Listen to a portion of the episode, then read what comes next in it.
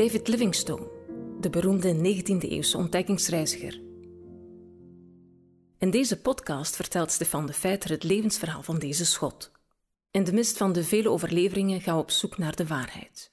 Een beschrijving gebaseerd op het boek van Tim Geel.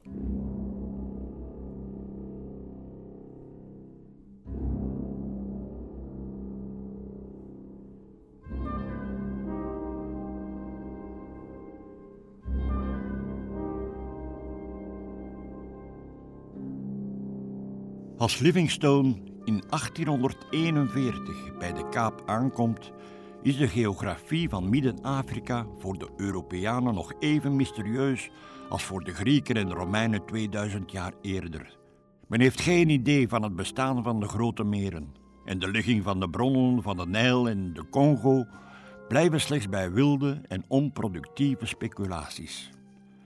Op het eerste gezicht lijkt het onwaarschijnlijk dat er in de 19e eeuw nog steeds zo weinig bekend is over een continent dat meer dan duizend jaar daarvoor langs de oostkust Arabische nederzettingen had zien ontstaan. Van Mombasa in het noorden tot Sofala tegenover Madagaskar in het zuiden. Maar de Arabieren hielden zich tevreden met handel langs de kust en lieten het aan de inheemse stammen over om slaven, ivoor en goudstof uit het binnenland naar hun nederzettingen te brengen. Als 600 jaar later de eerste Europese avonturiers, zijn de Portugezen, het binnenland proberen binnen te dringen, worden ze gestopt door allerlei problemen. Het was voor deze expeditieleden om te beginnen al erg moeilijk om op de Zambezi te varen.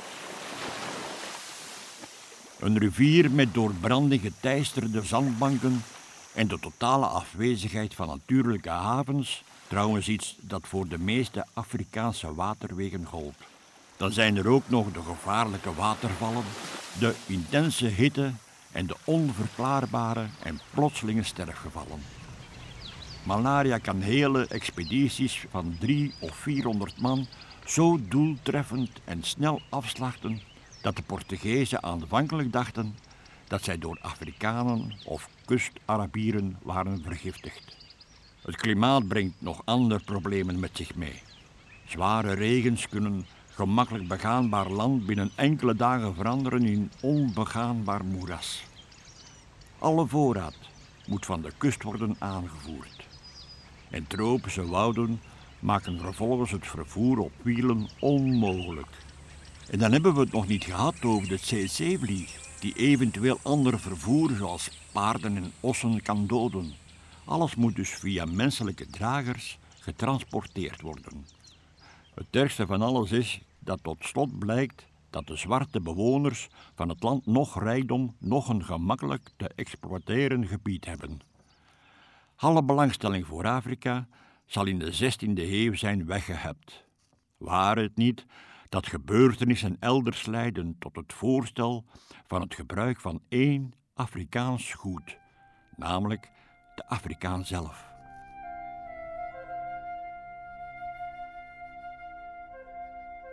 Zes jaar voordat Vasco da Gama de Kaap bereikte, is Christoffel Columbus in het zogeheten West-Indië aan land gegaan. Tegen de tijd dat de Portugezen de Zambezi bevechten, vestigen hun landgenoten zich in Brazilië en de Spanjaarden in het Caribisch gebied, Mexico en Peru. De Europese heersers van de westelijke nieuwe wereld zien al snel dat het aantal lokale bewoners onvoldoende is voor de exploitatie ervan. Er zullen meer arbeiders nodig zijn voor de mijnen, de suikerplantages en later de katoenvelden. Op datzelfde ogenblik weet men van het bestaan van duizenden sterke zwarte mannen aan de andere kant van de Atlantische Oceaan, die in Europese ogen een leven van ledigheid leiden. De transatlantische slavenhandel is het onvermijdelijke gevolg. Op het einde van de 18e, begin 19e eeuw eisen humanitaire activisten een positiever beleid ten opzichte van Afrika en de Afrikanen.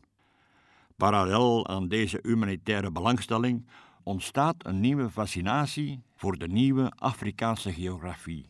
In 1788 wordt de African Association opgericht om de verkenning te bevorderen. Tussen 1795 en 1831 hebben de Britse ontdekkingsreizigers Park, Clapperton, Lander en Lane samen de Niger getraceerd van bron tot zee. En in Oost-Afrika heeft Bruce de bron van de Blauwe Nijl bereikt. Deze reizen krijgen geen vervolg, grotendeels omdat de problemen die de Portugezen al eeuwen terug kenden, ook nu de niets vermoedende Britten confronteren. Afrika is in 1841 nog steeds een continent met enkel wat buitenlandse nederzettingen op de kuststrook als Livingstone aankomt. De Zuid-Afrikaanse winter is nog lang niet voorbij en het land zal nog drie maanden droog en troosteloos blijven. David reist naar Kuruman, een dorp op de grens met het huidige Botswana.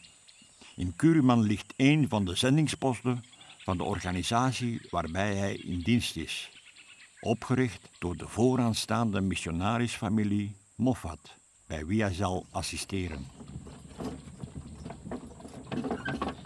Op weg naar daar zijn de wegen zo slecht dat hij vreest dat de wagen zal kantelen en hen allen zal verpletteren. Ook de steile heuvels maken hem ongerust, want de ossen zouden kunnen struikelen en de wagen vooruit doen slingeren.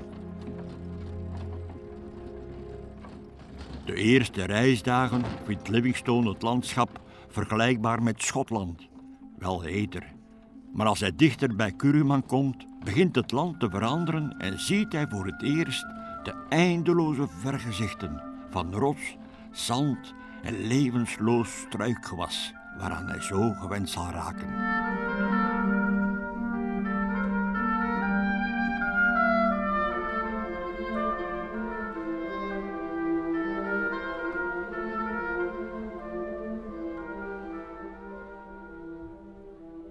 Dit was een podcast van TWR.